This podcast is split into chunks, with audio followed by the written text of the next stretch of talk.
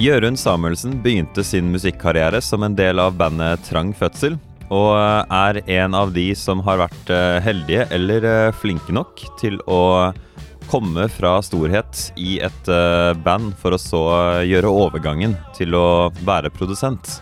I disse dager jobber han 50% på Noroff fagskole i Oslo, hvor han underviser i lydteknikk, i tillegg til produsentjobben han har. Og undertegnede er en av hans tidligere studenter. Her hører du et utdrag fra bandet hans Samuelsen sin debut-EP.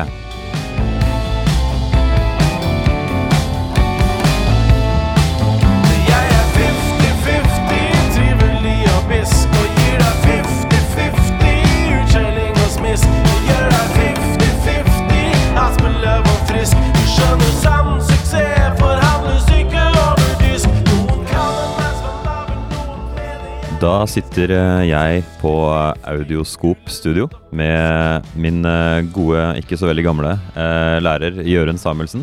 Takk for at jeg får komme på besøk. Hjertelig velkommen. Jeg vil jo starte med historien som du selv snakker minst om. Og det er jo et trang fødsel. Det fikk ikke jeg vite at du hadde vært med på før nesten et år inn på første året. Eh, og bare, bare for å starte med det, da. Uh, det er mange som ikke kjenner den historien, og CD-er som blir delt ut, og hvor, det, hvor den gruppa kommer fra. Det er egentlig en uh, ganske artig historie, så jeg lurer på om du i hvert fall kunne si liksom i korte trekk hva var bakgrunnen for det bandet? Og hvor var det dere, dere kom fra i det hele tatt?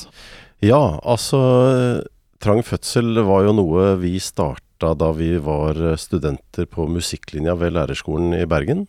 Eh, der begynte jeg, eh, etter å ha gått videregående på Notodden eh, i Telemark, og deretter på folkehøyskole på Vestlandet. Og så begynte jeg på lærerskolen i Bergen på musikklinja, og traff der Hans Petter Aasrud, som kom fra Aurskog, eller fra Bjørkelangen. Og vi eh, begynte å spille viser sammen. Han hadde lagd noe melodi Han var egentlig en sånn metal-gitarist. eh, tapping og eh, lettspilte ESP-gitarer. Men så eh, hadde han lest eh, Ragnar Hovland sine dikt og begynte å lage melodier til disse diktene, da. Og så eh, spilte jeg fløyte til, og vi lagde tostemte harmonier og sånne ting. Det, det var et definitivt studentprosjekt, da. Vi spilte på huskonserter på musikklinja og sånne ting. Og så blei det skrev, Begynte vi å skrive sanger selv uh, i eh, liksom pausene på skolen, eller om kveldene hvis vi møttes om kveldene og sånne ting. Og så blei det vel på en måte Ja. Det var mange som argumenterte for at vi skulle prøve å få spillejobber, da. Så vi begynte å spille på puber i Bergen. Den Stundesløse, for eksempel, var det en pub, pub som het. Hvor det var livemusikk jeg tror nesten hver dag hele uka. Kan jeg bare spørre om én ting her? Ja. Eh, på dette tidspunktet, da dere begynte med dette, var det liksom noen tanker om at eh, dette kunne gå noe sted, eller hva var liksom eh, Hvor så dere for dere at det prosjektet der skulle, skulle gå hen på den tiden der? Det er et eh, godt spørsmål, men jeg veit ikke helt. Altså, vi hadde kanskje forskjellige synspunkter, Hans Petter og jeg også, men jeg har egentlig aldri tenkt at jeg skal bli ditt eller jeg skal bli datt. Jeg veit ennå ikke helt hva jeg skal bli, føler jeg, men eh, for meg så var det, og jeg tror det var sånn for Hans Petter òg, vi hadde det utrolig gøy. Og vi ville at folk skulle bli, synes at det var gøy at vi spilte. Det skulle både være morsomt å høre på, men det skulle også kunne være interessant, og det skulle være musikalsk eh, innholdsrikt og oppfinnsomt, da. Så eh, etter hvert eh, som vi skjønte at vi hadde noe på gang som folk likte, så hadde vi jo ambisjoner om flere spillejobber, og vi spilte inn en eh, selvfinansiert og selvutgitt plate som vi sendte litt rundt for å få spillejobber, og også til plateselskapene. Så det, vi, vi, ambisjonsnivået vokste jo mens vi jobba, liksom. Men det var ikke sånn at vi satte oss ned og fant ut at vi skulle eh, etablere et verdensherredømme. Det, det var ikke sånn. Eh, hvordan, eh, hvordan gikk det fra at eh, dere hadde, det, hadde dette bandet, til at eh, du bestemte deg for å gå andre veier? Ut av uh, trang fødsel. Ja. Ehm, altså, Trang fødsel var i 1996 og 97 og 98 og 99 eh, Norges mest turnerende band, tror jeg. Altså, vi hadde så utrolig mange spillejobber, og det var veldig gøy. Men det blir en litt sånn eh, selvutslettende situasjon, da. Man er nesten aldri hjemme, og man kan ikke ha liksom Det er vanskelig med alle utenom-band-relasjoner. Og veldig slitsomt. Og det, vi var jo unge, og det var kjempegøy, og vi var på nachspiel, liksom. Det var, eh, det var eh, veldig gøy å være på turné.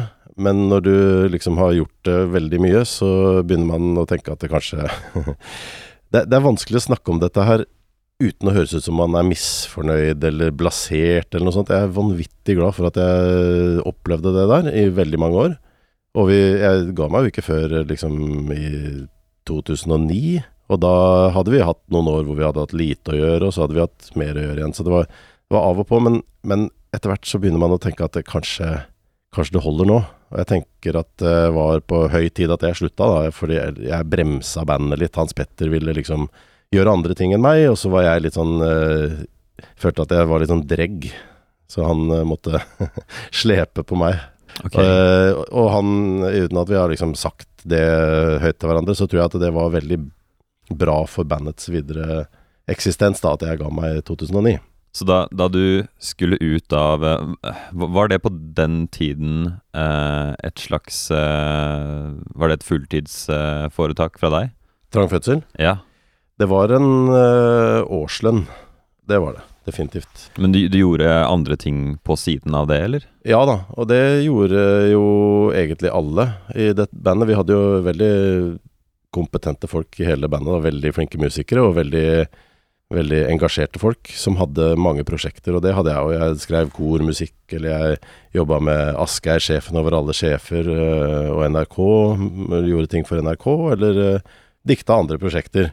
Og jeg tror det var litt sånn overlevelsesstrategi for ikke å bare hele tiden tenke hva kan bli det neste hitrefrenget på P1, på en måte. At man Sånn, ja. ja.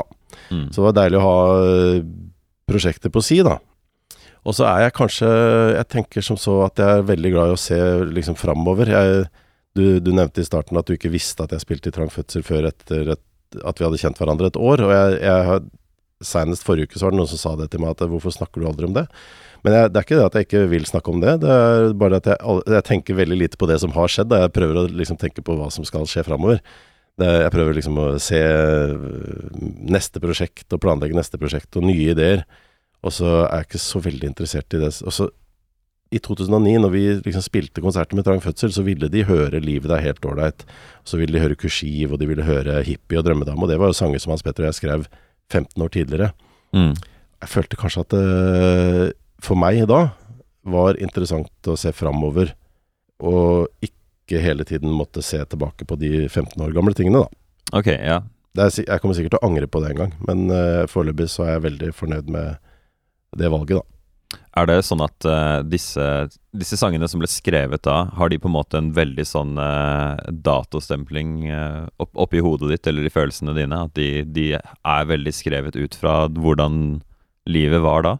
Ja, altså En del av de sangene har jo vist seg å være veldig levedyktige. Og lever sitt eget liv uavhengig av oss. Og Carpe Diem siterer kursiv, og så er det et kor på Vestlandet Jaha. som synger 'Drømmedame'. Og det er liksom sånne ting. Men eh, og, og jeg er veldig, veldig glad i mange av de sangene. Jeg syns det er ordentlig gøy å ha lagd dem og alt det der. Men noen av dem Noen av de sangene, hvis jeg hører dem nå, så tenker jeg Eller så greier jeg ikke helt å liksom sette meg inn i den sinnstilstanden Hans Petter og jeg var i da vi lagde dem.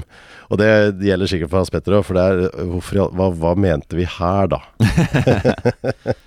Ja, ok, så to ting da. Eh, hvilken, eh, hvilken Carpe Diem-låt siterer eh, kursiv? Ja Dette her burde jeg kunne, for dette, dette hører jo datteren min masse på. Men uh, det er eh, Nei, det husker jeg ikke, Nei, ok. rett og slett. Det er jo kult at du det, det, det sier på en måte litt om at eh, du faktisk ser, eh, ser framover. Det er liksom ja, ikke så farlig å hvile på laurbærene at se her, Carpe Diem, eh, den sangen her. Nei, det, jeg tenker ikke så veldig mye på det, men jeg syns det er veldig en hyggelig ting hyggelig, å- ja. at de siterer en sang som jeg har lagd. Det syns jeg er veldig, veldig stas, da. Jeg hørte hørte um, Billy Joe Armstrong fra Green Day eh, Ja. si i et eh, intervju nylig at han alltid har tenkt at han må skrive låter som eh, han kan være fornøyd med å synge om 20 år. Ja. Eh, så det var egentlig bare derfor jeg bare tenkte om, om, det var en, om det var en tanke da, eller om det bare var Nei, vi skriver dette her, og så gir vi låta ut, og så ser vi hva som skjer. En del av de mest kjente sangene til Trang fødsel er ikke lagd eh, med den intensjonen at vi trodde at at dette skulle vi holde på med om 20 år. Eh, Nei.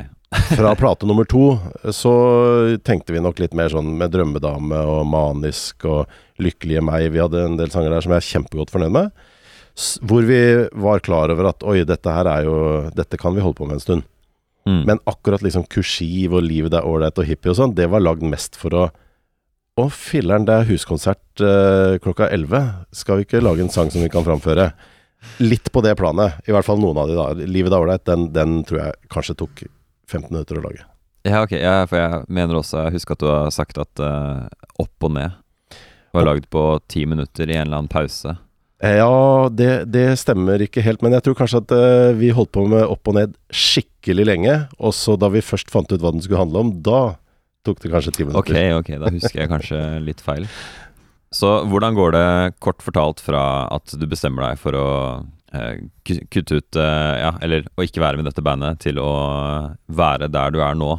Ja, det er jo ikke en eh, liksom eh, crossfade, for å bruke vårt eh, begrepsapparat. Eh, det, eller det er en crossfade, men den er veldig lang. Jeg begynte jo liksom å produsere for artister, eller skrive for artister, akkurat som Hans Petter holdt på med, eller, eller de andre i bandet da, holdt på med sine prosjekter parallelt. Og så etter hvert så var det liksom sånn at jeg tenkte at kanskje jeg syns det er mer givende for meg sjøl, at jeg føler at jeg vokser mer, eh, at jeg liksom jeg hadde mer lyst til å bruke mer tid på å lage prosjekter for andre artister. Det er også mer sånn familiekompatibelt, f.eks. Å eh, produsere for Åsmund Nordstoga. Så kan Åsmund Nordstoga reise på skolekonserter ned på Vestlandet, mens jeg sitter hjemme på Bøler og Ja. eh, renser blåbær, liksom. Det, det, det er litt sånn, da. Rent praktisk eh, mye bedre for en familiemann, i hvert fall. Ja, det Jeg syns det. Og jeg var eh, Jeg tenker liksom Det er ikke patologisk, men hotellrom, det var jeg så lei av. Ja, det, det, var litt meg. sånn fengselscelle. Jeg så rett og slett ikke vitsen med å være på et hotellrom til. Så da Jeg turnerte jo en god del med Åsmund Nordstoga, og har- har fortsatt eh, liksom noen spillejobber med han. Helt utrolig gøy. Men eh, John eh, Winge og jeg, som også spilte i Trang Fødsel, vi produserte Åsmund. Og vi var sånn at hvis vi hadde gjort en spillejobb i Sør-Trøndelag, så kjørte vi gjerne hjem etter spillejobben fordi vi var så lei av å bo på hotell. Ok, så- ok.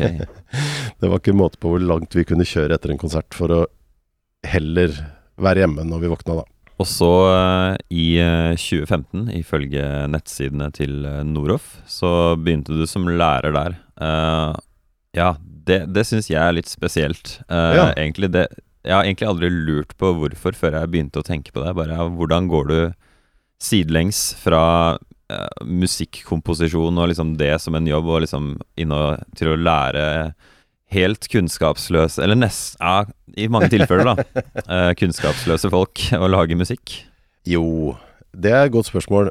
og det er flere som har lurt litt på det, tror jeg. Men én ting er det, dette er ikke en fulltidsjobb, dette er Det er en 50% stilling. 50% ja. Eh, det er sammensatt. Én ting er at jeg er av lærerslekt, så det, jeg har et slags sånn lærerkall. Og jeg gikk jo i utgangspunktet på lærerskolen i Bergen for å bli musikklærer. Så var det noe med at jeg Når man er studioprodusent, så er man jo mye Altså for eksempel så hadde jeg Ila Auto i studio for ikke så lenge siden. Og da er jeg sammen med Ila Auto hver dag i to uker og har det skikkelig gøy. Mm. Og så reiser de hjem. Og så sitter jeg med etterarbeid, ikke sant. Så etter to uker med liksom kreativt arbeid sammen med bandet, så er det to uker mutters aleine å sitte og klikke på musa, stirre på skjermen og sjekke frekvenser. Eh, og den derre eh, måten å jobbe på, det, det liker jeg veldig godt. Men samtidig så blir man litt sånn eh, sosialt eh, rar. Fordi man sitter så mye aleine, da. Og jeg sitter virkelig aleine. Helt aleine. Det er jo det er riktignok flere studioer i huset, men jeg går jo ikke dit fordi jeg har jo ting å gjøre her. Så jeg, det der å ha et kollegium eh, Da jeg begynte på Noroff, så var det delvis for å ikke bli en sånn der rar einstøing som sitter i studio og eh, Ok. Eh, Det er vanvittig fint å ha kolleger, eh, som jeg treffer da to-tre ganger hver uke, og som jeg mm, liker å snakke med i lunsjen. Og det kan vi snakke liksom om eh, været, eller vi kan snakke om en TV-serie, eller vi kan snakke om Trump. Altså du kan snakke om både små mikro- og makrotemaer, da. Ja, ja, ja. Eh, og det, den derre um, kontinuiteten i et kollegium som man opplever der, på en arbeidsplass, den er jo helt annerledes enn den jeg hadde med Ila Auto. Det kan jo godt hende Ila Auto kommer tilbake for å spille inn noe her om et år eller to. Men da har jeg jo på en måte ikke jobba med dem på to år. Så det, det blir en annen måte, en annen kontinuitet, da. Ok, ja, for da er det ikke Da er det ikke to uker i strekk, eller hvor- hvor- hvordan blir det hvis du har eh, Hvis du har lærerjobben sammen med et band som skal spille inn en hel plate og komme Ja. på besøk? Nei, da er det jo veldig greit at eh, uka har eh, ti dager, da. Og døgnet 40 timer. Nei da. Men det er jo av og til at den kalenderen ser litt sånn avansert ut. At den blir veldig sammensatt og kompleks. Men så er det også noe med det at eh, man Jeg i hvert fall da er jo litt sånn sedat eh, av meg. Og så etter at jeg fikk en 50% stilling, så tror jeg kanskje egentlig at jeg har økt arbeidsvolumet i studio, selv om jeg fikk halvert arbeidstida.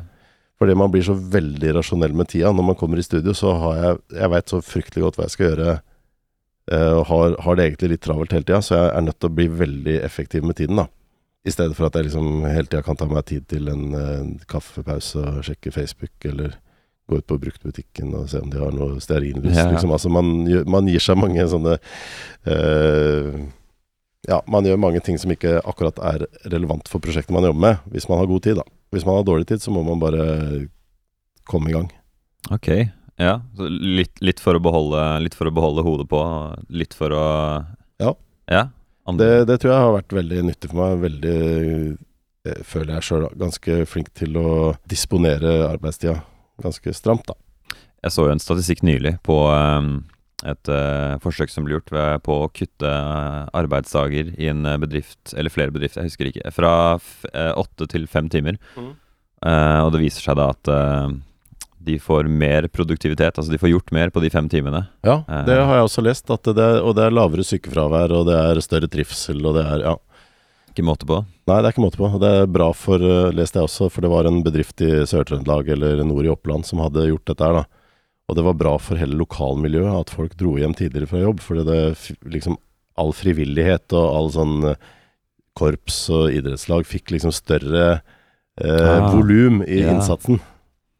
Ja, ikke minst, eh, man kan jo trekke veldig lange, lange baner her og se fram til liksom, hva, hva blir det ut av barn som har eh, foreldre som er mer til stede på ettermiddagen hver dag, liksom. Og, Ja. så man kan vel dra det så langt man vil.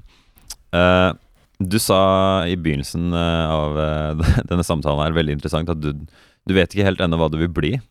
Uh, Det er så- litt, uh, litt, flåsete sagt, Jo men da. litt, litt sånn blink i øyet, men, uh, ja.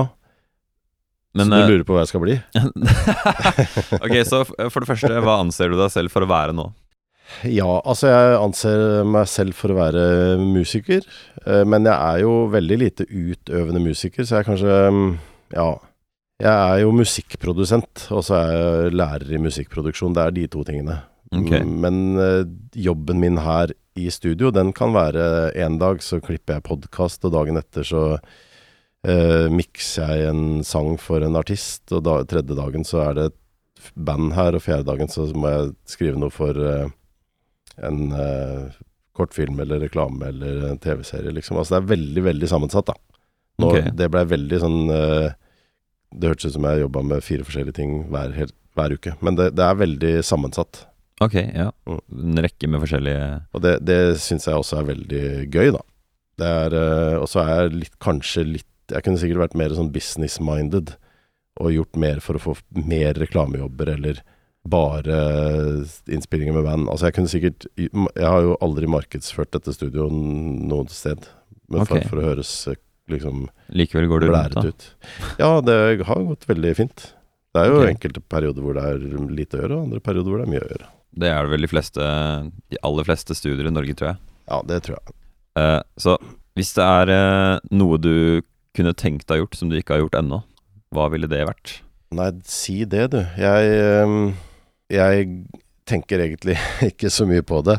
Jeg veit veldig godt hva jeg skal gjøre i 2020, f.eks.